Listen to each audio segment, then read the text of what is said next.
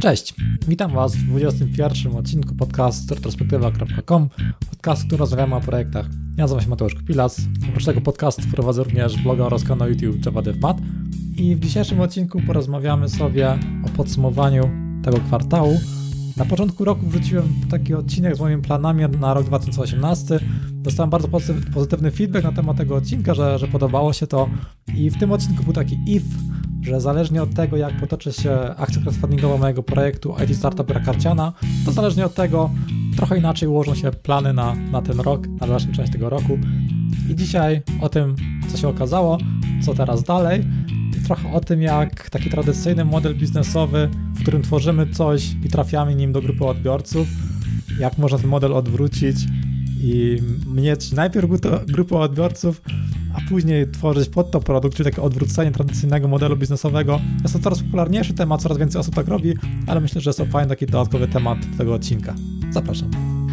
I heartily endorse this event or product. Sponsorem odcinka jest mój projekt IT Startup Gra Karciana. Przedwczoraj ruszyła przedsprzedaż dla osób, które, które przesłały crowdfunding i nawet, nawet całkiem dobrze to idzie. Mm, ruszyła przedsprzedaż, dałem na social media linki, że przedsprzedaż ruszyła i po godzinie z hakiem sprzedało się znowu 10 sztuk gry, więc nawet po crowdfundingu gra się nadal sprzedaje, chociaż jest jeszcze przed sprzedaży. E, gra powinna wejść z drukarni pod koniec maja, jak dobrze pójdzie, a w czerwcu następuje wysyłka. Po szczegóły zapraszam na itstartup.pl. Czyli dzisiaj w odcinku nie wywiad, tylko tak sobie gadam sam ze sobą, ja taki dziwak, siedzę z mikrofonem i nagrywam po dwa zdania, potem naciskam stop Audacity, bo nie jestem w stanie przez pół godziny gadać i to nagrywać. Nie wiem, jak, jak z kimś nagrywam wywiad, to jest taki jakiś flow, da się gadać bez jakichś tam przerw. Jak samodzielnie gadam, to maksymalnie to jest minuta, dwie nagrania i później muszę pomyśleć, co dalej. To jest takie dziwne. nie jest to jeszcze retrospektywa projektu, nie jest to omówienie samej akcji crowdfundingowej. Na ten temat przygotuję osobny, długi odcinek, w którym podsumuję, co przyczyniło się do tego, że crowdfunding odniósł e, jakiś tam sukces, gdzie będzie takie podsumowanie tego kwartału, czyli tych trzech, ostatnich trzech miesięcy i plany na to, na to, co dalej, jaki był plan B, jeżeli mój główny projekt e, z tą, z tą grą IT by nie wypalił. Z doświadczenia wiem, że jest, jest pewna grupa odbiorców, którzy lubią o tym słuchać, a mi, mi przy okazji takie podsumowanie by trochę zebrać myśli.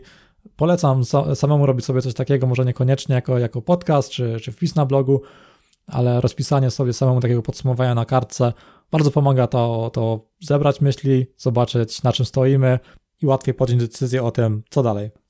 Jak już mówię o wpisie na blogu, jeśli nie lubicie mojego gadania, nie lubicie e, słuchać tego, o czym gadam, jak na przykład nie słuchacie sobie teraz tego w samochodzie i nie macie wyboru, nie możecie sobie teraz wejść na, na jakąś stronę internetową, to zapraszam po retrospektywa.com 21.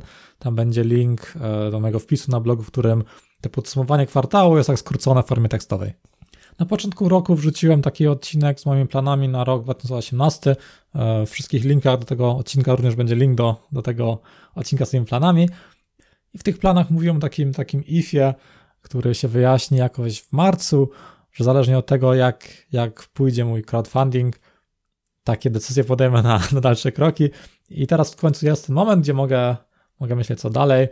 Um, udało się zebrać ponad 600% planu minimum ten plan minimum to też nie było coś takiego, e, że teraz wiąże z tym projektem jakąś przyszłość, jakaś tam powiedzmy, nie wiem, plan na kolejny rok, ponieważ minimalnym celem akcji crowdfundingowej było 10 tysięcy złotych. Był to minimalny nakład, e, by ta praca nie poszła w piach. Jeżeli zebrałoby się mniej, to po prostu projekt byłby do wyrzucenia. E, do wyrzucenia byłby jako, jako ciekawostka do samodzielnego druku, że coś tam, coś tam zostało zrobione, zmarnowałem parę miesięcy pracy i koniec. Ale planem minimum było 10 tysięcy złotych, ponieważ minimalny minimalny nakład tej gry, czyli jakieś 1000 sztuk w drukarni, w której to drukuje, a drukuje to w drukarni Tref. Mają tam coś takiego jak e, drukowanie własnych gier. Minimalny nakład to jest właśnie 1000 sztuk. Mm, tak wstępnie, po wstępnej wycenie wychodziło, że gdybym drukował 1000 sztuk gry, to wyszłoby, wyszłoby to jakieś 20 tysięcy złotych. Nim jest mniejszy nakład, tym wiadomo, płacimy więcej za sztukę. Nim więcej, tym mniej.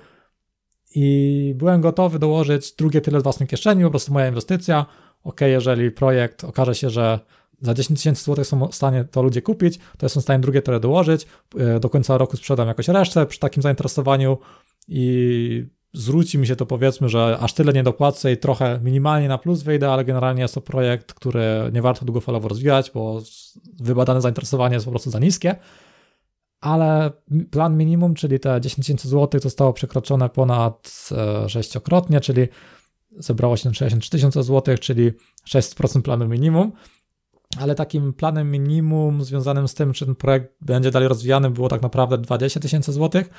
E, założyłem sobie, że to jest taki plan minimum, że wtedy ma to sens jakoś dalej rozwijać, czyli ten mój taki realny plan został przekroczony e, trzykrotnie, a absolutny plan minimum został przekroczony sześciokrotnie, z czego bardzo się cieszę. I teraz można, e, można to rozpracować, zobaczyć co dalej. E, dużo, dużo firm odezwało się w sprawie współpracy, co jest w sumie bardzo męczące, ponieważ w większości przypadków jest to prostu wymiana dwóch, trzech maili, ogromne zainteresowanie, jakaś rozmowa telefoniczna, a potem generalnie się kontakt e, urywa. bardzo prawdopodobne jest, że niedługo nawiążę jakąś stałą współpracę z pewną firmą, gdzie wiele rzeczy będziemy robić wspólnie, ale tak realnie podchodzę do tego, że wszystko sobie tak planuję, że jestem to w stanie w 100% sam zrealizować, a partner biznesowy to jest takie nice to have, coś, co może nastąpić, ale szykuję się na to, że istnieje ewentualność, że będę dalej robił wszystko dalej sam. Przejdę może w końcu do tego, co jest w tytule odcinka. Oprócz, oprócz tego, że to jest podsumowanie mojego pierwszego kwartału tego roku, to o tym odwróceniu tradycyjnego modelu biznesowego. O co tu chodzi? E, za taki tradycyjny model biznesowy uznaję coś takiego, że, że produkt, projekt, który rozwijamy, najpierw powstaje, a później szukamy odbiorców, później go sprzedajemy, czyli w przypadku oprogramowania mamy na przykład aplikację gotową z jakąś tam grą, czy aplikacją biznesową, e, wchodzi to do Apple Store'a, czy do Google Play Store, czy tam do jakiejkolwiek innej formy dystrybucji.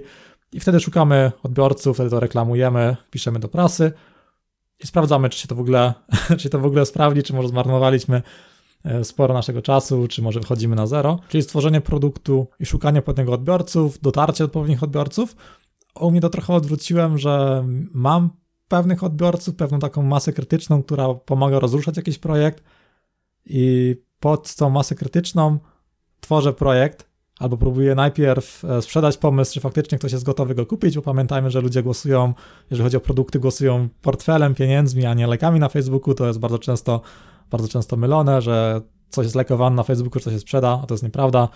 E, to, co się sprzeda, to się sprzeda. Sprzeda się to, na co ludzie są w stanie wydać pieniądze. Ostatnio w jednym z vlogów Mirka Burneko widziałem bardzo fajny przykład tego. Mówi tam o sprzedaniu prezentacji, mówił o pewnym problemie, jak wydać, mówi tam chyba o 4000 zł, że potrzebuje 4000 zł na salkę po szkolenia, skąd, skąd wziąć na to kasę. Mówił o tym, że udało mu się sprzedać e, szkoleń za 20 tysięcy złotych i dopiero wtedy zaczął się martwić tym, jaką prezentację w ogóle na te szkolenia zrobić i wtedy wynajęcie sali za 4000 nie było już takim problemem, ponieważ miał budżet, czy najpierw spadło zainteresowanie, czy jest, czy jest faktycznie tyle osób, by zapłacić te szkolenia, by się opłaciło to w ogóle zrobić. I zanim powstał pierwszy slajd e, tego szkolenia, i szkolenie zostało sprzedane zanim powstał pierwszy slajd szkolenia. Takie, takie odwrócone podejście. Ma to oczywiście swoje plusy i minusy, ale warto, warto rozważyć, że taki odwrócony model istnieje i w niektórych przypadkach można z tego skorzystać. Można się oczywiście na tym modelu przejechać, gdy zbierzemy na coś kasę i później nie jesteśmy w stanie go dostarczyć. Ale każde podejście ma swoje plusy i minusy. Zawsze można oddać kasę w najgorszym przypadku, gdy nie zrealizujemy projektu. Czyli najważniejszy punkt tego kwartału, czyli zrealizowanie udanej akcji crowdfundingowej e, wypaliło, udało się można, można ten projekt rozwijać. Mam dowód, że ludzie są w stanie kupować ten projekt, nawet po odpaleniu teraz przedsprzedaży parę dni temu. Dopiero odpaliłem przedsprzedaż, wrzuciłem na, na media społecznościowe, że przedsprzedaż ruszyła i znowu się sprzedały, sprzedało się 10 sztuk e, zaraz po odpaleniu tego na social mediach, czyli jest zainteresowanie. I można teraz ten projekt rozwinąć. Na początku w ogóle go trzeba dostarczyć, zanim, zanim robię, zacznę robić coś innego, to trzeba dostarczyć to, co, to, za co teraz ludzie już zapłacili. I, I można rozważać, co dalej ale jaki, jaki by mój plan B, e, gdyby, gdyby nie wypaliło, gdyby absolutne minimum, czyli te 10 tysięcy złotych w 30 dni się nie zebrało, to plan B był prosty, plan B, który użyłem sobie w głowie, by, by móc spać po nocach. to było albo rozszerzenie freelancingu, jeszcze w zeszłym roku trochę jako freelancer dorabiałem jako programista. E, plan na ten rok mam taki, by w 100% tylko z własnych projektów się utrzymywać i aktualnie to wygląda optymistycznie, że się to uda. Czyli planem B było więcej freelancingu, lub ewentualne wrócenie do etatu. Nawet rozważałem, by spróbować e, może coś trochę w takim kierunku, który, który mnie ostatnio zainteresował, czyli zamiast typowo jako deweloper iść na przykład jako, e, jako product owner, taki taki produkt manager w Scrumie dla tych, którzy, którzy nie wiedzą. Mm, trochę się zainteresowałem tym, nawet oglądałem, oglądałem ogłoszenia o pracę, czyli Google ma mnie teraz profil jako osoba, która szuka pracy, ale na szczęście na razie nie jest to konieczne. Udało się przekroczyć plan minimum, takiego absolutnego minimum e, sześciokrotnie. Udało się osiągnąć 300% e, takiego realnego planu, czyli te 20 tysięcy, które było wymagane, by, by ten projekt, e, by potwierdzić, że ten projekt warto tak poważnie rozwijać. I można teraz rozważyć dalsze plany, co robię dalej. I jednym z takich pierwszych planów to było oczywiście jakaś aplikacja mobilna, jakaś może wersja cyfrowa tego. Zacząłem nawet niedawno uczyć się Unity, wrzuciłem na Facebooka screena, że pobrałem Unity i było od razu spekulowanie, o, że ja teraz robię własnego Hearthstone'a, że biorę na IT Startup i robię wersję cyfrową. Ale to nie jest do końca takie proste.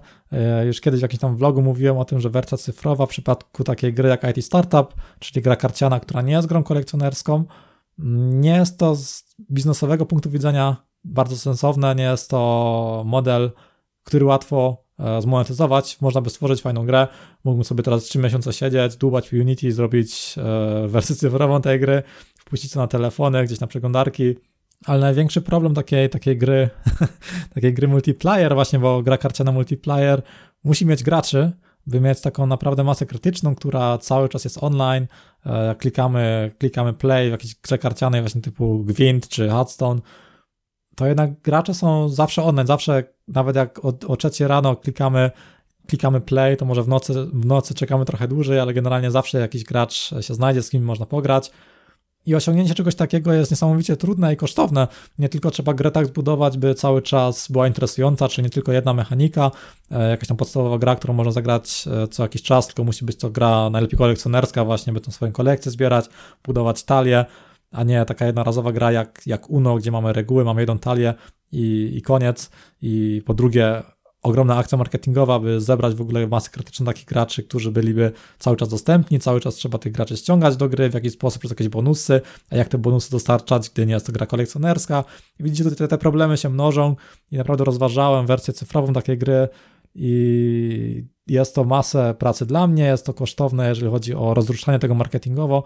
I jako firma jednoosobowa jest to, jest to po prostu głupi pomysł, byłoby to rzucanie się z motyką na słońce, a tak ja dosyć przerabiałem z tymi projektami i wiem, e, kiedy czegoś, kiedy czegoś po prostu nie robić. I cieszę się, że mam teraz takie doświadczenie. Gdyby podobny projekt wypalił mi na przykład dwa albo trzy lata temu, to jestem pewny, że rzuciłbym się w robienie wersji cyfrowej gry. E, planowałbym, że zrobię to w trzy miesiące, zrobiłbym to w rok a za rok obudziłbym się z ręką w nocniku, że zmarnowałem cały rok pracy i tym razem się tak nie stanie, bo już trochę więcej wiemy. Czyli jak nie planuję przeniesienia e, mechanik gry do wersji cyfrowej jeden do jednego, to co w takim razie? E, planuję aplikację mobilną do projektu, ale nie przeniesienie gry w 100%. E, planuję zrobienie takiej aplikacji pomocniczej do gry, która jest instrukcją, której można sobie zobaczyć filmy pomocnicze do gry, jak grać, czy mieć instrukcje w formacie PDF, czy mieć jakieś pomocnicze, e, pomocnicze mechanizmy do gry, typu jakiś licznik i tak dalej, czy taka aplikacja pomocnicza na Androida i na iOS-a. Przy okazji nauczę się e, na jakimś konkretnym projekcie obsługi Unity. Myślę, Unity tutaj dobrze nadaje, by stworzyć sobie taką prostą aplikację, która będzie cross-platformowa, czyli stworzę sobie ją raz w Unity, jakieś tam dopasowanie zrobię pod poszczególną platformę, ale będę miał generalnie jedną bazę pod iOS-a i Androida, czyli dla mnie dobry pierwszy projekt, który, który stworzę w Unity, który będzie dostępny na Androida i iOS-a.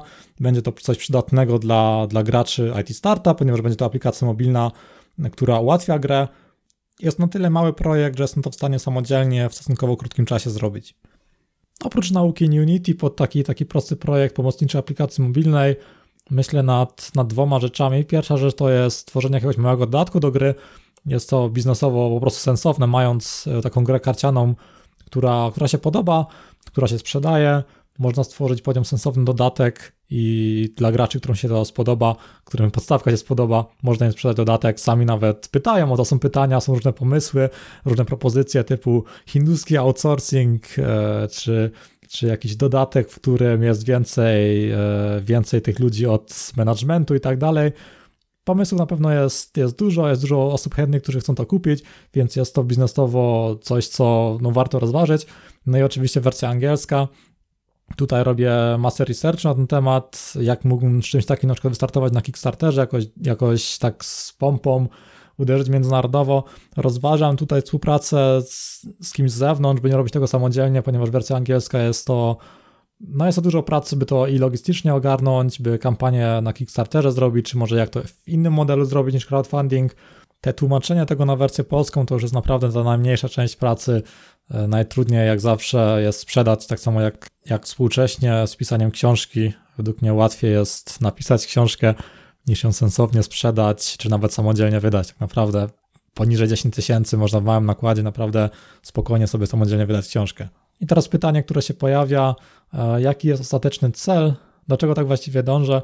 I jest to rozwijanie autorskich projektów e, w 100% mojej pracy, czyli nie jest tak, że muszę sobie na pół etatu na etacie na przykład dorabiać, czy jako freelancer pracować 20 godzin tygodniowo, a reszta tylko e, dłubanie przy moich autorskich projektach.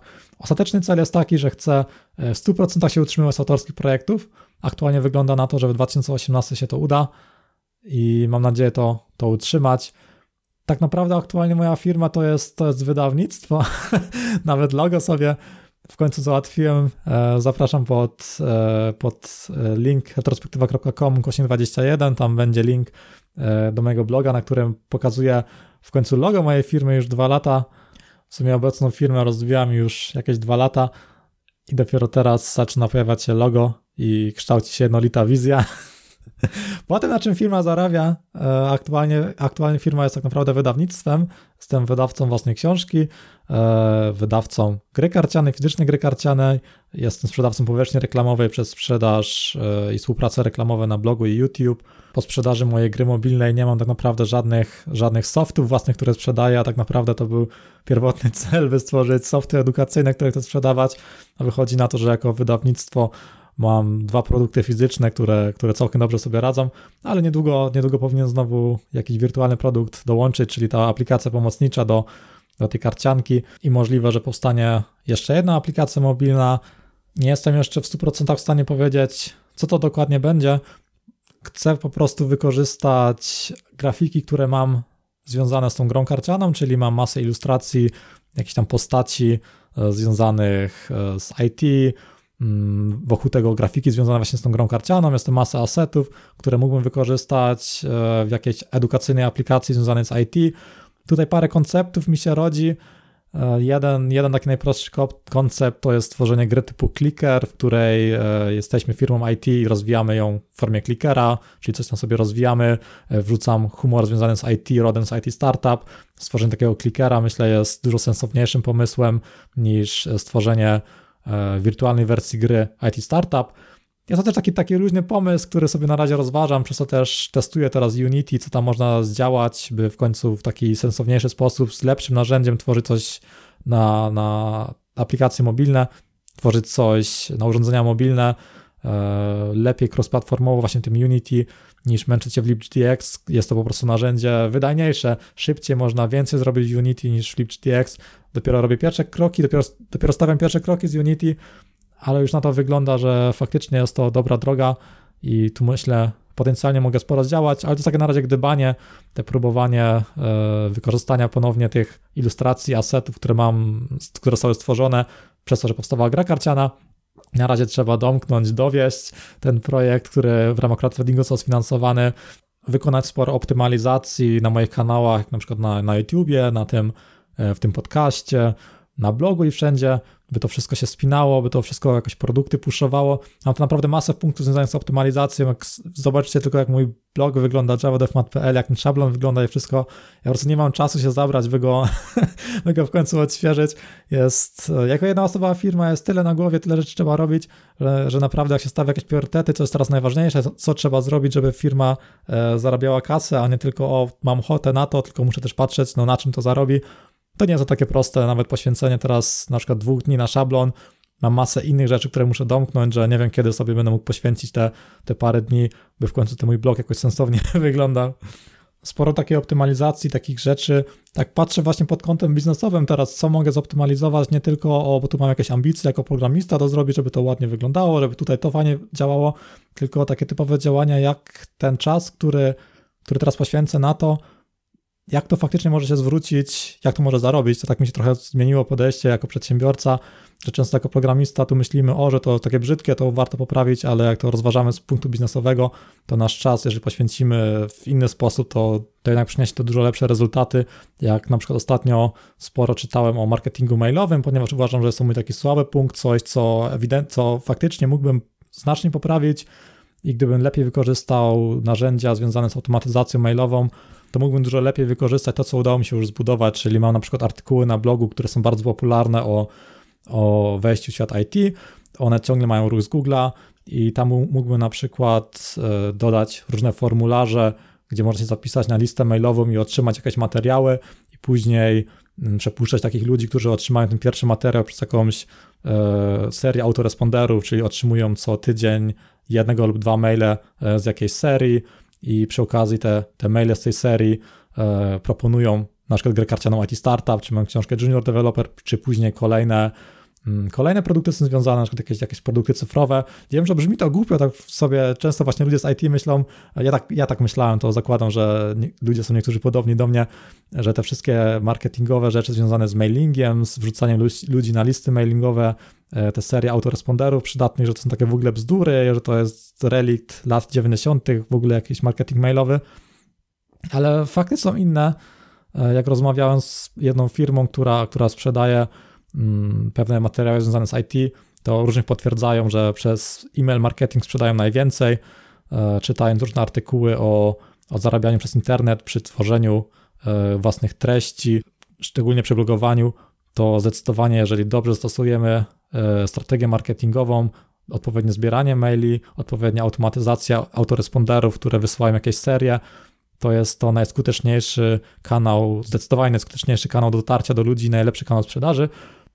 I tutaj pod kątem biznesowym mogę się zdecydowanie e, podciągnąć, nawet tak myślałem, by spróbować zatrudnić w jakiejś takiej firmie jako taka typowa osoba od produktu, by pod, e, by pod tym kątem biznesowym się podszkolić, ponieważ jako, jako programista się zatrudniłem na etacie głównie po to, by się podszkolić jako programista, zamiast w domu się uczyć programowania, to mogę się uczyć pod, pod, pod okiem doświadczonych programistów. Tak samo myślałem, by osoba od produktu, właśnie dlatego myślałem, jak, jako, by spróbować jako częściowy etat, na przykład jako product owner czy product manager, by podszkolić się pod tym kątem biznesowym, e, zamiast znowu czytać to przez internet i testować na własnych projektach, może wskoczyć do jakiegoś projektu i zobaczyć, jak to robią, jak to robią tacy więksi gracze, jak to robią na przykład jakieś korporacje. I tu pojawia się w sumie taki trochę, trochę smutny wniosek, jeżeli chodzi o bycie takim e, niezależnym twórcą, jeżeli robimy własne przedsięwzięcia, własne produkty, e, na przykład programujemy coś własnego, czy tworzymy własny projekt typu, typu gra karciana, którą sobie wymyśliłem, to tak naprawdę stworzenie tego, rozwijanie samego koru tego projektu, mm, czyli tych mechanik gry karcianej, jak to ma wyglądać i tak dalej, współpraca z grafikiem, to jest może tak optymistycznie już zakładam 40% tej pracy, a 60% to cała otoczka związana z firmą. I tak w sumie się tego spodziewałem. Myślałem, że będzie tego tak 50-50, tak już realistycznie zakładałem, a tu mi wychodzi, że jest to więcej niż 50% e, czasu, który trzeba poświęcić. Oczywiście, jeżeli chodzi właśnie o te, o te prowadzenie firmy, o byciu przedsiębiorcą, to jeszcze jestem kompletnie żółtodziobem, patrząc po, po innych osobach, na pewno musiałbym więcej rzeczy delegować, e, mieć jakiegoś pracownika, który by się wieloma rzeczami zajmował, by miał wolną głowę na coś innego.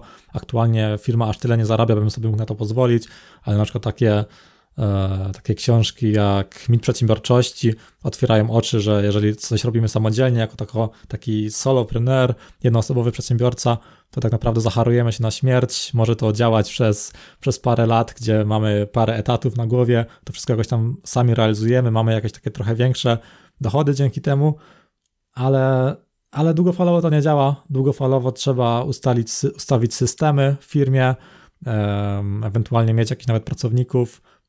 Niekoniecznie takich pracowników, którzy w firmie siedzą, tutaj siedzi obok mnie jakiś tam Janusz i Agnieszka i mi tam przerzucają papiery, czy, czy zajmują się marketingiem, można, można takich ludzi delegować zdalnie, mieć stałych współpracowników i myślę, to jest taka kwestia, którą muszę na pewno no, zacząć więcej o tym czytać, więcej mm, się o tym informować, jak takie rzeczy odpowiednio poustawiać w firmie, bym się ostatecznie zacharował na śmierć, i zobaczył, czy to faktycznie jest dla mnie, być takim przedsiębiorcą, który ma parę pracowników, ustawia taki system, czy może faktycznie na przykład w przyszłym roku e, stwierdzam, że no fajnie było, próbowałem sobie tam te 2-3 lata swoją firmę znowu rozkręcić, ale może faktycznie e, za jakiś czas wrócę na ten etat, bo jednak no, patrzmy realistycznie w przyszłość, widzę, że jest to taki, taki roller coaster, raz, raz coś mi dobrze wypali, jak teraz ta gra karciana, raz jakiś projekt, raz jakiś własny projekt wyjdzie bardzo średnio, albo na nim stracę.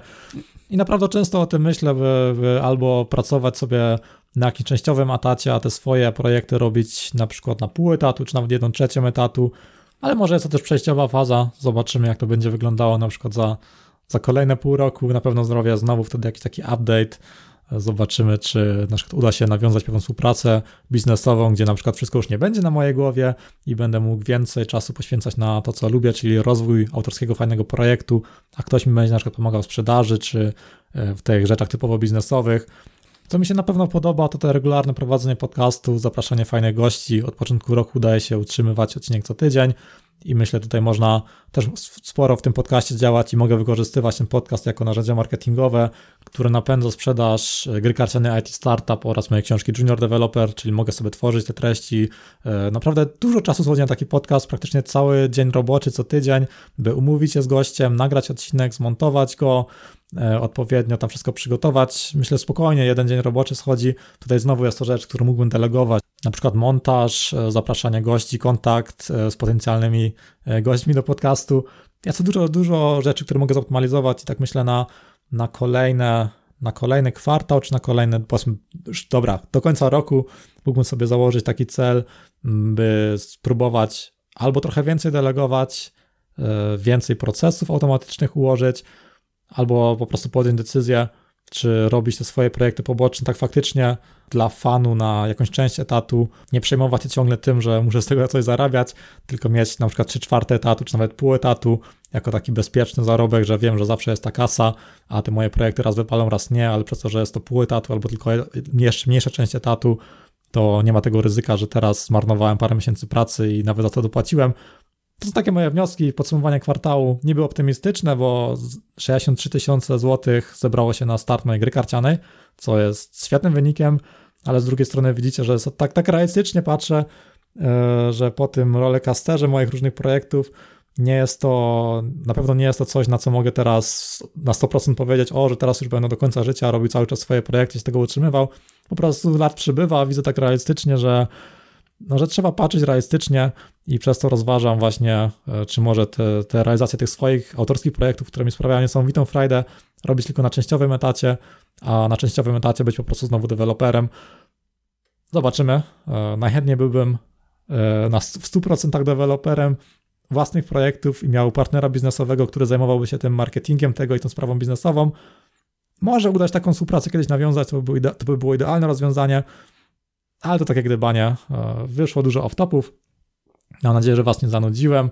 Tak chciałem się z Wami podzielić tym podsumowaniem kwartału, co mi tam po głowie chodzi, e, co udało się zrealizować, jakie są ewentualne plany.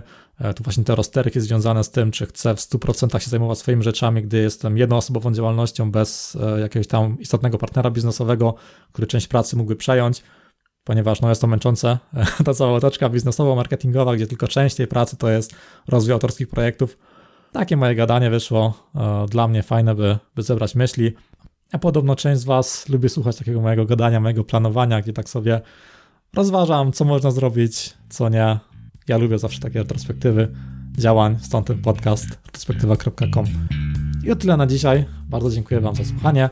E, przypominam, że warto wejść pod retrospektywa.com 21, zobaczyć wstępną wersję loga mojej firmy. W końcu po po ponad dwóch latach działalności pod tą nową firmą e, w końcu jakaś logo powstaje mojej firmy Kupilas Media. tak dużo osób widzę, że tworzą jakąś firmę, działalność i zaczynają od loga, a ja logo dopiero teraz mam, gdy, gdy mam już tak naprawdę dwa produkty tak naprawdę głównie to logo powstaje po to, bo będzie drukowany pierwszy nakład gry karcianej i warto by tam mieć logo mojej firmy w końcu. Na przykład na mojej książce też kompletnie żadnego loga nie miałem, tylko miałem tam, że to jest e, książka autora bloga Java Dev Mat. Nawet zdjęcie na tej książce to było w ogóle moje zdjęcie zrobione z ręki telefonem. A książka okazała się sporym sukcesem i teraz na tej książce jest zdjęcie, które sobie zrobiłem telefonem.